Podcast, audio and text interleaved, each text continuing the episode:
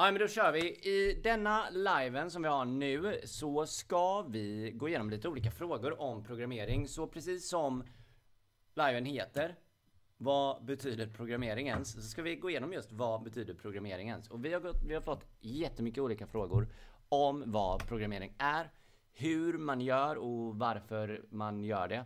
Så vi sätter igång helt enkelt och går igenom de frågorna vi har fått. Så jag tänker upplägget så här. Jag läser upp frågan, sen snackar jag lite om det och sen får du snacka lite om det och så eventuellt har du någon följdfråga till mig eller tvärtom att jag har någon följdfråga till dig Daniel. En kort introduktion bara, så är för er som lyssnar på podden så är det både Linus Rudbeck här idag och Daniel Fransén. Så det är dubbel trubbel. Herregud. Kör vi? Okej. Okay. Är programmering svårt? Är den första frågan. Och det där, den, alltså den frågan är lite som att fråga hur snabbt kör en bil? Eller hur långt är ett snöre? Eller vem godkände? Nej, alltså den eh, frågan är, ja, den, den är väldigt, den är väldigt, eh, alltså det beror ju på, Godkände vem vad? är. Vem godkände någonting? Ja just det! Godkände det här inlägget ens. Just det. Det är väldigt godtycklig kan man säga, en otroligt subjektiv fråga. Ja, exakt. Så det här, alltså är programmering svårt? Ja, säkert för vissa, men det beror också på vad du ska göra. Du kan använda mängder av olika verktyg eh, och ramverk och språk för att göra programmering väldigt lätt. Men om du ska göra någonting som är svårt med programmering så är det klart att programmering är svårt. Precis som matte. Är matte svårt? Det beror lite på vem du är och vad du vill göra. Mm. Det är också alltså, svårt för en eh, 35-årig ingenjör, kanske nej. Svårt för en treårig person, kanske ja. Det är väldigt mycket beroende på vilken person det handlar om också. Och sen så är eh, nästa fråga är vad innebär svårt i så fall? Att det är svårt för att det är svårt att motivera dem att försöka lära sig. Eller svårt som att de har svårt att, med inlärningskurvan. Det är väldigt, väldigt svår fråga. Är frågan svår? Frågan svår. Frågan är svår om programmering är svårt.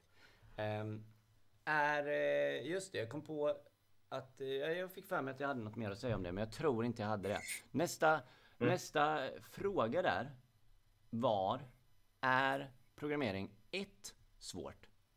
Mhm. Och eh, skillnaden på de två frågorna är ju just att programmering 1 är väldigt tydligt definierat eller specificerat vad det innebär. För det är en del, en kurs i, jag vet inte om det är gymnasiet eller, eller grundskolan eller båda, men det finns ju specificerat där vad just programmering 1 är och innehåller. Eh, precis som alla andra frågor, eller tidigare frågor också, eller tidigare frågan, så är det ju så att programmering 1 är svårt om du inte har rätt förutsättningar. Så har du inte rätt förutsättningar, antingen i dig själv eller externa förutsättningar som är rätt lärare och sådana saker, så kommer det vara mycket svårare än om du har rätt förutsättningar. Som att du har fallenhet för det och att du, eh, att du har en bra eh, lärare och, eller flera personer som kan stötta dig i programmeringsresan. Så programmering 1 behöver inte vara svårt. Programmering 1 i sig är inte svårt om du har rätt förutsättningar. Så skulle jag väl summera det svaret. Mm. Nej, det svaret säger nog allt. Det var rappat. Vi har inget mer att säga. Okej, yes. Nästa, nästa fråga är lite, den är nästan en ja eller nej fråga. Men är programmering matte? Nej, det är inte det. Egentligen. Men det är, alltså det finns ju, det är lätt att tro att programmering är matte. I och med att det finns många likheter med programmering och matte. Och programmering innehåller till viss del en del matte. Men det är ju inte nödvändigtvis så att bara för att du är bra på matte så behöver du vara bra eller så kommer du vara bra på programmering. Eller tvärtom.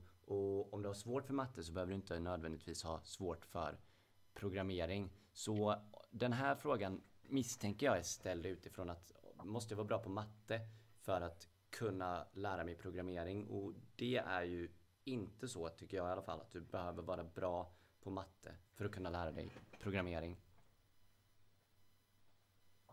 Vi kanske ska gå till de frågorna som inte är ja eller nej-frågor. Ja, hur programmerar man? Hur programmerar man en robotgräsklippare är roligare? Hur gör man det? Okej, Okej, ja men då kör vi på den. hur programmerar man en robotgräsklippare? Ja, först så behöver du ju en eh, robotgräsklippare. Du behöver själva hårdvaran som kan köra koden som eh, ska utföra vissa instruktioner. Så du behöver lära dig någon typ av programmeringsspråk som du kan installera på en, eh, på en robot. Vanliga programmeringsspråk för att lägga till på den här typen av eh, alltså inbyggda system som det kallas är C och C++ och Assembly. Så första steget är väl att lära sig just C eller C++ skulle jag rekommendera. Och sedan utifrån det börja med att programmera på typ en Raspberry Pi och om du lär dig programmera för en Raspberry Pi som är en sån här liten enchips enkortsdator som man kan ha till typ vad som helst så kommer du utifrån den sen kunna skicka ut olika signaler som du kan ta emot i motorer och utifrån de här signalerna då och som du skickar ut till olika motorer göra olika saker. Exempelvis styra hjul eller eh, sådana här snurror som snurrar på, ja, klipper gräset. Och kan även ta emot typ data från olika sensorenheter som typ kamera och eh, radarutrustning och sådana saker. Ja, nej, men det låter bra. Det är bara att programmera på med sina robotgräsklippare då. Hur programmerar man en robotdammsugare? Exakt samma fråga. ja, det är samma svar, bara att det är robotdammsugare istället. Vad finns det mer för frågor som är lite mer eh, varför, varför analog programmering? Varför programmering viktigt för samhällsutvecklingen? Varför är programmering viktigt för samhällsutvecklingen? Det var en liten fråga. Ja, du kan börja med den, för jag har ju tagit alla, jag har börjat med alla frågor hittills. Bra fråga. Man kan säga så här att eh, väldigt mycket av utvecklingen som sker idag sker digitalt. Och väldigt mycket av det som sker digitalt är på ett eller annat sätt byggt med någon typ av programmeringsspråk. Och det, med det sagt så betyder inte det att alla behöver kunna programmering. Men det betyder att alla behöver förhålla sig till det som är programmerat. Vilket gör att det blir relevant att kunna precis som ett språk. Det är bra att kunna prata språk, hur man ska åka till olika länder. Så det är bra att kunna förstå hur programmeringsspråk fungerar för att ändå ha förståelse för hur tekniken fungerar i och med att tekniken mer och mer egentligen blir en del av vårt liv. Vi kan ju typ beställa mat från våra badrumsspeglar idag. Bara typ 20 år sedan så är det ju alltså science fiction typ. Mm. Verkligen. Ja, ja. Typ. Jo, det är sant. Alltså programmering har blivit en eh, riktigt stor del och IT överhuvudtaget blivit en riktigt stor del av eh, samhället. Så eh, det är absolut inte nödvändigt för alla att kunna programmering men att förhålla sig till det precis som du säger och kanske åtminstone förstå vad det är och, och varför det eh, har blivit en så stor del av samhällsutvecklingen. Så eh, mm. ja, det, det, finns mycket bra av att ändå testa programmering. Eller jag skulle säga så här, även om, om alla inte behöver lära sig programmering så kan det ändå vara nyttigt för alla att testa om programmering är något för, för eh, sig eller för dig. Alltså om det är rätt, om det är någonting som passar dig så finns det extremt mycket jobb och, och möjligheter och sånt. Eller bara saker man kan göra. Antingen interagera med sina egna, typ ja, som du sa, badrumsspegeln där du kan beställa din pizza. Eh, så ja, det är väl det jag Man kan säga att de här klassiska grenarna var ju typ eh, medicin, ekonomi, juridik och någon typ eh, persona eller så här, vad kallas det, mer flummigt, så flumämnen. Allt annat är pedagogik typ. Ja. det kanske inte är så flummigt, men det är, programmering är ju tillägg till dem, alltså gamla ämnena, de tre huvudämnena. Så det, kommer, det är ju en av de här teknikerna som, som ligger inne som ett fundament för jättemycket andra jobb och utbildning, precis som juridik gör och ekonomi gör. Läser du ekonomi på högskolan så kan det ju bli jättemycket olika saker som på något sätt knyter an till det. Det är samma med programmering. Du behöver inte sitta och knacka C+, för att du har läst programmering, utan du har med att ha en förståelse för att kunna jobba med och sen till exempel driva ett startup eller bygga ett, en applikation eller vad som helst. Och sen är det också intressant, för beteendemässigt så kopplas det ju in i programmering som är relevant just nu då med tanke på det som hände med det här FTX bara förra veckan. De största eh, kryptobörserna i hela världen gick ju typ eh, i konkurs och det har försvunnit eh, alltså bitcoin och olika kryptocurrencies till ett värde på hur, hur mycket pengar som helst. Oj, och det är ju alltså fundamentalt, alltså om man förstår alltså, logiken bakom krypto, så förstår man också risken och paradoxen i att man har all sin kryptovaluta hos en sån här börs. För hela, alltså fundamentalt, jag är ingen expert på krypto, så det, rätta mig om jag har fel. Ni får gärna skicka in kommentarer så att jag har missuppfattat det. Men en av huvudanledningarna med till exempel bitcoin, det är att du inte ska ha en independence av en mellanpart för transaktioner. Det är liksom that's it. Det ska vara, du ska bara vara, alltså, ta bort förtroendet som en variabel i transaktionen. Mm. Och det undermineras ju när du har använder en kryptobörs som FTX och stoppar in några pengar i. Så det enda sättet att äga dina bitcoins på riktigt är att behålla det på någon typ av storage, alltså förvaringsutrymme med den här mm. kryptonyckeln. Så fort du stoppar in det i en sån här börs, som alltså tydligen blir fallet nu, så är ju risken att de går i konkurs och nu kan ju ingen ta ut sina pengar. Det är ju alltså hur mycket pengar som helst som är helt bara borta vid vinden. Och det är att det blir ett problem. Det blir en, dif alltså en differens där mellan beteendet och tekniken. För tekniken bygger ju på att just det här beteendet inte ska behöva användas. Ändå blir det här beteendet som folk använder. Alltså det här traditionella att man litar på en tredje part. Mm. Och det, det visar sig att det kan man inte göra. Och skillnaden här mot att lita på en bank och lita på den här kryptobörsen, det är att bankgarantin och all, all typ av statlig intervention är ju helt bortblåst här i att det är helt oreglerat. Och det är nackdelen, man får inte tillbaka en enda krona. Fördelen, ingen inblandning av staten. För statliga bankgarantin i Sverige är på typ en miljon 100 000. Och det är det du, du får alltid ut även om banken går i stöpet. Så en tydlig skillnad. Ja, verkligen. Och det är ju lite med att ha med sig förståelse för programmeringens intåg och inverkan på samhället tror jag är en fördel för alla människor. Och det är väl därför som det, är väl redan idag typ mandatory att ha det i grundskolan antar jag. Och det är ju bra om det är. Borde vara i alla fall. Redan från förskolan typ.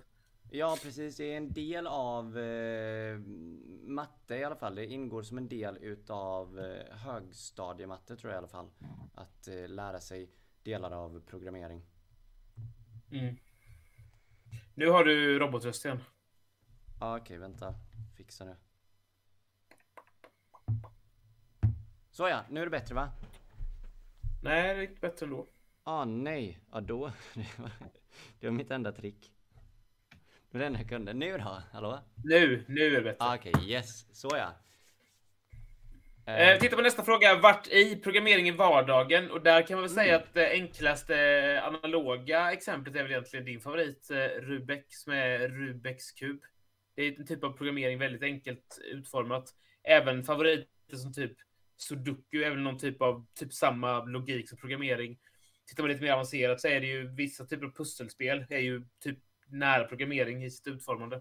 Eller skulle mm. du säga Rubiks kub? Jo, det, det stämmer. Alltså, båda de är ju typer av olika alltså, sätt att lösa problem, precis som programmering är, med hjälp av eh, alltså, algoritmer kan man kalla det. Så du har en, ett sätt, du, du, har, du har ett problem du vill lösa. I Rubiks kub så är det att alla färger ska vara på rätt sida. Och eh, i Sudoku så ska det vara rätt siffror i rätt rutor baserat på vilka siffror som var där från början. Ehm, och då eh, har du olika sätt att lösa det här problemet i, i ditt huvud. Liksom att, du, att du vet hur du ska göra för att lösa det här. Och om du kan lösa en Rubiks kub så har du ett, ett antal steg, ett antal instruktioner som du har kommit ihåg eller memorerat, memoriserat just hur, hur du ska gå tillväga för att lösa den här kuben. Och samma är det med Sudoku. Kan du lösa Sudoku och har övat lite på det så finns det vissa vissa steg du ska ta. Först ska du kolla kanske alla ettor på alla rader och så klicka i och, och fylla i vad det kan vara ettor och vad det kan vara tvåor och så vidare och så vidare. Så den typen av problemlösning är väldigt lik den typ av problemlösning som du gör i programmering. För i programmering är det också så. Då har du en typ, då har du ett problem, någonting, du kanske vill ta emot en massa namn och sen skriva ut dem någon annanstans på en webbsida. Och då har du också ett sätt för att tänka på hur gör jag för att lösa detta problemet.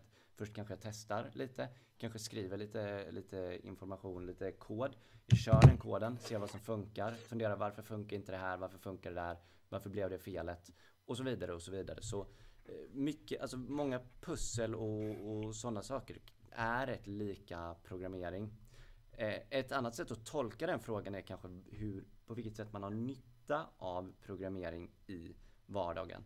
Och nyligen så släppte SJ sina biljetter, alltså tågbolaget SJ, Sveriges, vad står det för, järnvägar. De släppte biljetter för julhelgen och då blev det kaos. För alla gick in samtidigt och skulle beställa sina resor och ingen kunde använda Ingen kunde använda sidan för alla var inne på den samtidigt. Men då var det någon som skrev ett litet skript som uppdaterade sidan åt honom automatiskt. Så att han kunde köpa biljetter. Och sen ja, så, så kunde han köpa biljetter. Jag har inte läst hela historien om vad han gjorde sen. Om man publicerade det här så att andra kunde använda det. Eller om man la ut det så att man kunde gå in på hans sida. Men det är ett typexempel på hur programmering kan hjälpa dig i vardagen. Exempelvis, alltså du, du har en uppgift som, eh, som du behöver göra. Och så kan du bygga program eller ett program eller kod som löser den här uppgiften åt dig eller gör en viss del av din vardag enklare. Det är robotrösten, men jag hoppas inte i landet det bara blir för Nej, mig. robotrösten är bara via vårt telefonsamtal. Så eh, det är bara på... Bara på... Det mest imponerande jag sett är en kille som han har två Rubiks kuber som han blindfolded, alltså vad heter det med blindkavel? Jonglerar alltså till rätt eh, läge med samma färg oh, på samma på alla håll. Det, det är sjukt i huvudet. Ah, så tänkte jag på det här också att det, det, är typ exakt samma som SJ där görs ju på typ alla sneakers eh, affärer som har såna här drops och early drops. Det är samma. Ja, Allt är typ skriptat så att de bara köper in och sen tradar. Och det är byggda skript av personer som man sen prenumererar på, så det är en extremt häftig affärsidé och bara bygga ett sånt skript och sen sälja det till, eller på prenumerationstjänst till folk då. Men läs på om reglerna. Jag vet inte om det är otillåtet eller inte, men det, det är säkert otillåtet. Men det görs i alla fall och det är programmering. Ja, verkligen. Ja, det finns mängder av olika eh, tillfällen när programmering kan hjälpa dig i vardagen. Alltså du kan ju skriva eh, kod för att hjälpa dig att komma ihåg saker eller eh, Eh, ordna din ekonomi i Excel och sådana saker. Och Excel är ju kanske det närmsta programmering skulle jag säga som kanske inte ändå är programmering. Att, att summera och lägga ihop olika rutor och, och plocka ihop information från olika ställen och presentera dem på ett sätt. Det, det är ett sätt att programmera också. Så Även om det inte är att du behöver koda eller att du kan koda nödvändigtvis så kan du ändå bygga programliknande eller programmeringsliknande verktyg med hjälp av typ Excel. Helt rätt. Eh, men nästa live kommer vi fortsätta att examinera området och ämnet och vi kommer köra igen mm. på torsdag ju. Torsdag. Jajamän. Så tills dess så tackar vi för er uppmärksamhet och ni har lyssnat på Vad är programmering ens? ihop med eh, Linus Rudbeck och Daniel Franzén här från Distansakademin. Skriv gärna kommentarer om vad ni vill att vi ska ta upp för ämne och hur vi kan göra den här sändningen bättre. Har du något du vill tillägga?